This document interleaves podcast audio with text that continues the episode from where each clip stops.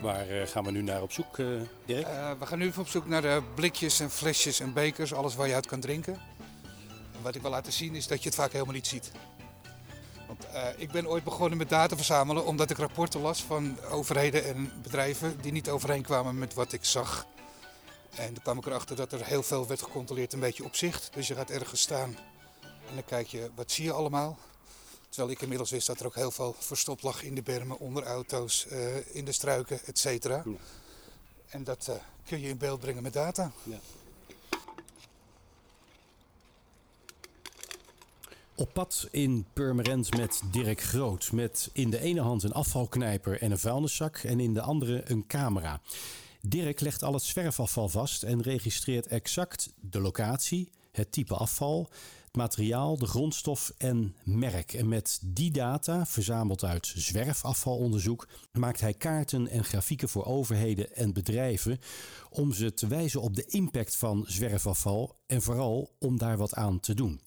Fijn dat je luistert naar een podcast van BI-specialist Hippoline.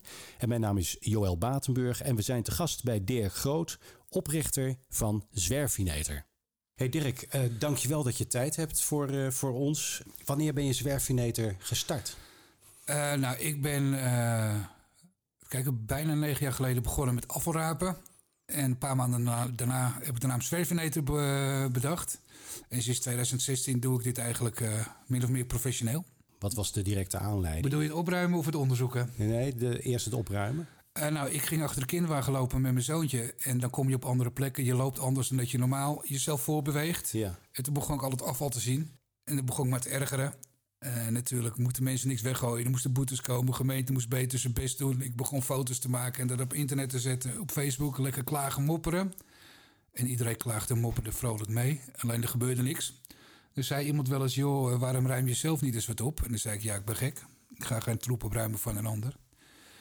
Maar uiteindelijk zag ik uh, via social media dat er wel anderen waren die opruimden. En toen dacht ik, nou, dan moet ik het ook maar een keer gaan doen. Dus ik ben uh, op straat gegaan, achter de kinderwagen met een vuilniszak. En ik ben gewoon oprapen. In het begin schaamde ik me kapot. Ik dacht, ja, wie doet het nou? Maar uiteindelijk uh, viel dat hartstikke mee. Ik kreeg juist positieve reacties. Ja. En na de eerste keer opruimen ben ik dat vaker gaan doen. En, en, dat begint dan achter de kinderwagen met je zoon daarin. Je gaat verzamelen. Vanaf welk moment ga je data vastleggen en, en met welk doel? Uh, ik was een jaar of twee bezig. En het was hartstikke positief. Hè. Er gingen steeds meer, meer mensen opruimen. Er kwam meer aandacht voor. Op een gegeven moment dacht ik wel, ja, ik loop steeds dezelfde spullen op te ruimen in dezelfde omgevingen. En ik voelde me als een verpleegster die een patiënt heeft. Ik verzorg me goed, maar kan niet genezen. En toen dacht ik, ja, er moet toch meer mogelijk zijn. En ik begon rapporten te lezen over uh, zwerfafval. En daarin zag ik niet terug wat ik zelf wel zag op straat. Die rapporten waren van overheden en van bedrijven. En ik wilde laten zien dat er veel meer uh, afval ligt dan dat we zagen. Met name plastic uh, maakte ik me zorgen om, omdat het heel veel schade aan de natuur toebrengt. Dus ja, toen ben ik een manier gaan zoeken om dat uh, duidelijker te maken. Want kun je daar een voorbeeld van geven? Jij las in de rapporten dus van, van bedrijven, ja. supermarkten, organisaties, noem maar op. Las je iets anders dan dat jij zag? Ja, en nou sowieso, vanuit het bedrijfsleven werd er altijd focus gelegd... voornamelijk op de, de peuken en de bananenschillen en de kauwgom. Ja, dat zijn, dat, dat zijn de problemen. Ja, want dat, dan kon je mooi de aandacht afleiden van de, de, eh, grote verpakkingen... en de blikjes en de flesjes en dat soort zaken. Aha, afleiding. Wat een veel groter probleem. Ze, ze deden alleen maar tellingen en ze keken niet naar volume, gewicht en verdeling... en nog meer andere zaken.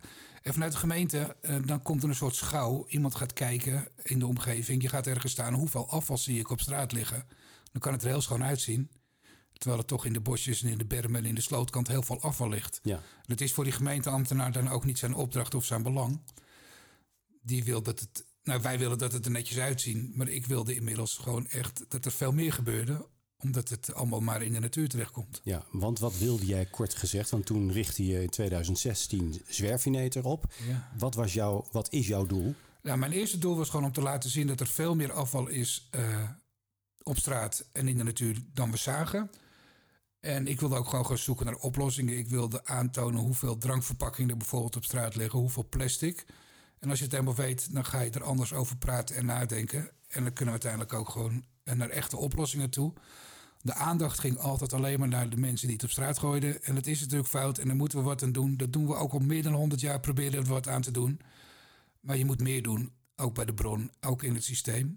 Nou, als je dat wil veranderen, is, data heel erg uh, handig en ja. nuttig. Ja. Ja, ja, laat zeggen, cruciaal eigenlijk. Niet handig en nuttig. Laat zeggen, daarmee heb jij een vuist kunnen maken. Ja, klopt. Ja. Dus ik heb het uh, zwerfafval op de bureaus van de beleidsmakers en bedrijven gekregen. Ja. Wat is jouw achtergrond? Want jij, IT hè? Ja, ik heb bedrijfsinformatica gestudeerd. En daarna heb ik bij uh, grote bedrijven gewerkt, kleinere bedrijven, beheer, uh, programmeren, management gedaan. En dat, dus ik heb altijd met data gewerkt. We gaan zo van jou horen hoe jij die data verzamelt en hoe je die verwerkt. En wat je successen zijn met uh, Zwerfineter. Eerst gaan we samen de straat op om te zien hoe je nou precies uh, te werk gaat en hoe je verzamelt. Uh, nou, ik heb eerst een foto gemaakt. Hè. Dan weet ik de locatie en het tijdstip. En dan ga ik thuis later nog data eraan toevoegen. Wat is het, waar is het van gemaakt, welk merk, dat soort dingen. Ja, en die blikjes, die, als ik onderzoek doe, dan ga ik ook nog het afval scheiden. Dus dat ik weet uh, wat de gewichten van de verschillende soorten zwerfafval zijn en ook de volumebijdrage van het zwerfafval. En uh, naar die data maak ik rapporten van, verslagen. Ik kan trends zien, ontwikkelingen, verdeling van soorten en merken.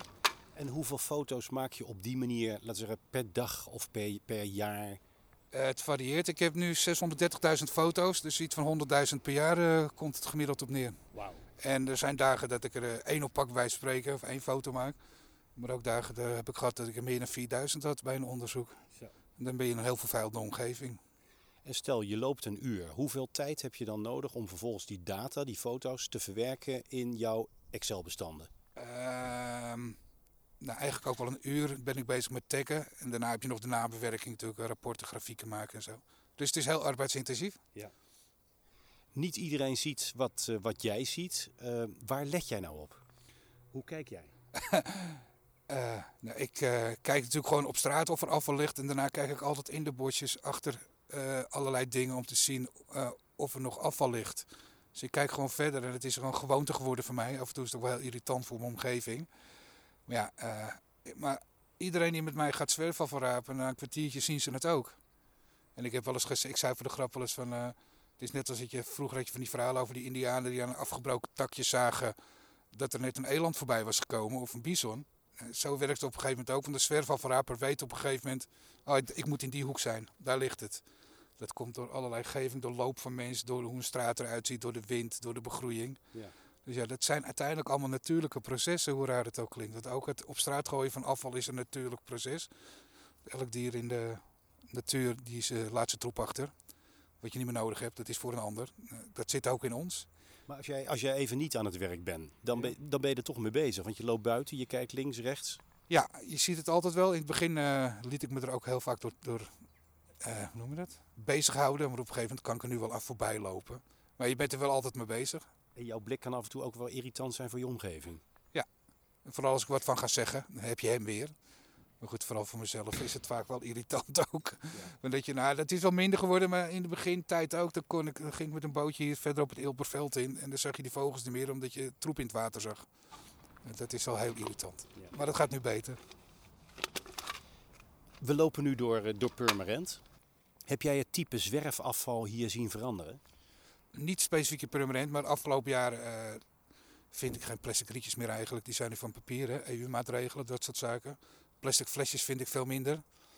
En de rest, de soorten zijn eigenlijk wel hetzelfde gebleven. Het is wel veel minder geworden hier in Purmerend. Dus dat is het belangrijkste winst. Nou, dat is op jouw konto te schrijven. Uh, onder andere ja. En heel veel andere mensen die opruimen. Maar mijn data is door de gemeente gebruikt om gewoon veel slimmer en efficiënter te gaan opruimen. Een samenwerking te zoeken met bedrijven, uh, met scholen en dat soort zaken. Heel gericht op de plek opruimen waar het veel uh, ligt. En daar gerichte maatregelen nemen. En dan kan je als gemeente een hoop winst boeken al. En dat blijft natuurlijk wel alleen uh, hoe noem je dat? symptoombestrijdingen. Dus het liefst wil je nog het probleem uh, aan de voorkant of aan de achterkant juist. Het is het bij het begin oplossen. En ja. daar ben ik ook vooral mee bezig.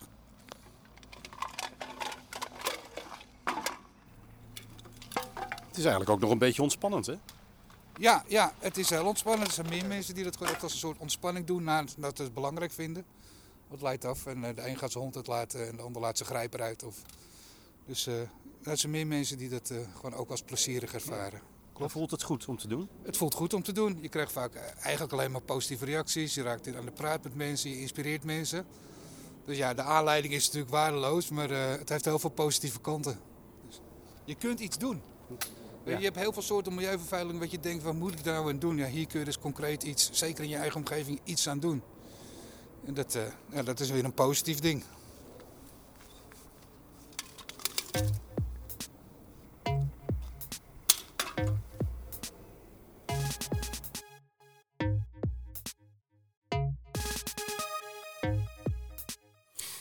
Dirk Groot, oprichter van het eh, bedrijf uh, Zwerfineter. Kun jij zeggen, uh, hoe helpt data jou? Wat, wat, wat krijg jij dan voor elkaar? Je maakt het afvalprobleem inzichtelijk, maar dan? nou, verschillende manieren. in eerste instantie doe ik dus onderzoeken voor gemeentes en bedrijven. En dan doe je groot onderzoek, intensief mhm. onderzoek naar het afval. En je kunt daar kaarten maken en grafieken en verdelingen. En op basis daarvan kun je dan gewoon samen gaan kijken, ja, wat is er aan de hand? Maar ook samen met, met werknemers die het opruimen doen en zo. Ja, waar kunnen we nu verbeteren? Kunnen we prullenbakken verplaatsen? Of kunnen we misschien uh, samenwerking zoeken, bijvoorbeeld met bedrijven? En moeten we andere opruimfrequenties hebben? En dan kan je heel gericht gewoon operationeel kijken van, joh, uh, we moeten het anders aanpakken. En dat is aan de achterkant. En uh, eigenlijk gewoon ook bij de bron kun je gaan kijken. Zeker als je met een bedrijf samenwerkt. waarom vind ik nou die verpakking veel op straat? Wat kan ik daaraan doen? Een voorbeeld is het sausbakje van McDonald's. Ik noem hem heel vaak. Uh, die ligt uh, heel erg raar verspreid rond een McDrive. Omdat vogels die meenemen. De bosjes in, de sloten in, de weilanden in. Dus die vind je op plekken waar we al helemaal niet komen als mens. Maar het is wel van plastic. En, uh, maar die, wordt gewoon, die worden gewoon getransporteerd door de vogels? Ja, die halen ze uit prullenbakken of van het uh, parkeerterrein af. Oké. En die, ze vinden die mayonaise lekker. Ze vervetten zich ermee in de winter. Het schijnt niet eens ongezond te zijn voor ze. Maar uiteindelijk heb je wel sloten vol en weilanden... en zelfs onbewoonde eilandjes vol met plastic bakjes. Ja. Kijk, en McDonald's uh, is daar dus mee aan de gang. Dat, dat het processen duren al wel lang... maar die zijn op zoek naar een goed alternatief voor het plastic bakje... omdat ze dit ook niet willen. Ja. Maar dat, laat zeggen, dit ook niet willen. Zij hadden het niet geweten als jij die data niet had aangebracht. Nee, klopt. En er waren wel uh, McDonald's uh, werknemers die het wisten, maar het was nooit op het hoofdkantoor beland, dit probleem. Ja. Dus het vonden ze heel interessant. Kijk, en ook een McDonald's. Uh, en komen ze dan McDonald's heeft sowieso een zwerfafvalprobleem. Hè? Dat komt door fastfood ja. to go. En die willen op zijn minst dan inderdaad hun plastic impact verminderen. Want een, een stuk karton is natuurlijk ook wel vervelend. Dat vergaat uiteindelijk wel vrij snel. En McDonald's wil dit probleem nu aanpakken en is op zoek naar een oplossing ja. voor die bakjes. Ja, en hebben een challenge uitgestuurd, uh, uitgeschreven bij de KVK. En dat willen ze ook meteen wereldwijd doen. McDonald's is met meer veranderingen bezig, dat weet ik inmiddels. Mm -hmm. Dat gaat altijd langzaam. Maar goed, als zo'n bedrijf uh, één verandering doet, dan is het meteen duizenden restaurants wereldwijd. En ze zijn marktleider. Dus ja, wat er weer uit voortkomt, uh, kan er alleen maar positief zijn. Op je website staat: Ik strijd voor het voorkomen van zwerfafval en plastic vervuiling. Ja. Is dat, is dat uh, letterlijk een, een gevecht? Ja, en wie, en wie zijn... strijd, ja. ja. En wie zijn dan je directe tegenstanders? Uh, nou, dat is voornamelijk bedrijfsleven. Die bepaalde belangen hebben, waardoor ze denken dat het niet zonder plastic kan. Die zien vooral commerciële belangen. En terwijl de wereld natuurlijk ook gewoon andere problemen heeft. Dus ja, dat is, uh, Eigenlijk, dat zijn wel de tegenstanders over het algemeen. Hoe, hoe word jij benaderd als jij met je data aankomt en zegt van joh, dit is wat ik signaleer? Over het algemeen wel positief en constructief. Alleen ze doen er vaak geen drol mee. Hm. Dat is natuurlijk zo'n tactiek van vriendjespolitiek. Dan, dan benaderen ze je en dan willen ze samen kijken wat je kan doen. Of dan proberen ze je aandacht te geven, maar ze doen er dan niks mee. En dat uh, is jammer. Er zijn ook bedrijven die me dan gewoon echt inhuren, bij spreken. En die nemen je serieus. En die zijn ook echt voor plan om dingen te doen. En dat is wel mooi. Ja. Dus we moeten blijven duwen, anders verandert het niet. Ja. Een groot succes ehm, is de strijd voor statiegeld op blikjes en flesjes. Ja. Dat heb je mede voor elkaar gekregen. Ja. Ik ben in 2016 heb ik een eerste grote project gedaan. En toen zag ik al hoe groot deel van de verpakkingen, of van het afval drankverpakkingen was. Zeker als je naar het volume en gewicht krijgt, dan was het meer dan 40 procent. En ik ben daarna overal waar ik kwam, als ik gastlessen gaf of een lezing, maar ook uh, als ik op familiebezoek was of op vakantie in Nederland, ging ik onderzoek doen naar drankverpakkingen. Dus een stuk lopen, alles oprapen en fotograferen. Ja. En na een paar jaar kwam ik erachter dat het overal hetzelfde was. De verdeling, de verhoudingen, maar ook het aantal per kilometer. Heel vreemd. Het bleef steeds maar hetzelfde. En inmiddels had uh, Stientje van Veldhoven die had tegen het bedrijfsleven gezegd: joh, jullie krijgen nog twee jaar. Minister van Milieu destijds. Ja, en hij is staatssecretaris. Uh, naar aanleiding van een uh, petitiemotie van de Plastic Soup Server heeft zij het bedrijfsleven gezegd: binnen twee jaar moet er 70% minder plastic flesjes op straat liggen. En anders ga ik staatsgat invoeren. Ja. Het bedrijfsleven ging weer aan de gang met nog meer posters en nog meer prullenbakken en nog meer campagnes. Maar het hielp niet. En dat kon ik aantonen met mijn data. Want ik ging zelfs in die proefgebieden ging ik onderzoek doen. Het bleef gewoon hetzelfde. En inmiddels had ik al contacten met Rijkswaterstaat die daarover moest gaan rapporteren. Er was veel kritiek over de meetmethode van Rijkswaterstaat gekomen. Die wilde mijn data als een soort second opinion. Dus sinds 2019 geloof ik wordt mijn data meegenomen in de halfjaarrapportage over de drankverpakkingen in het zwerfafval van Rijkswaterstaat.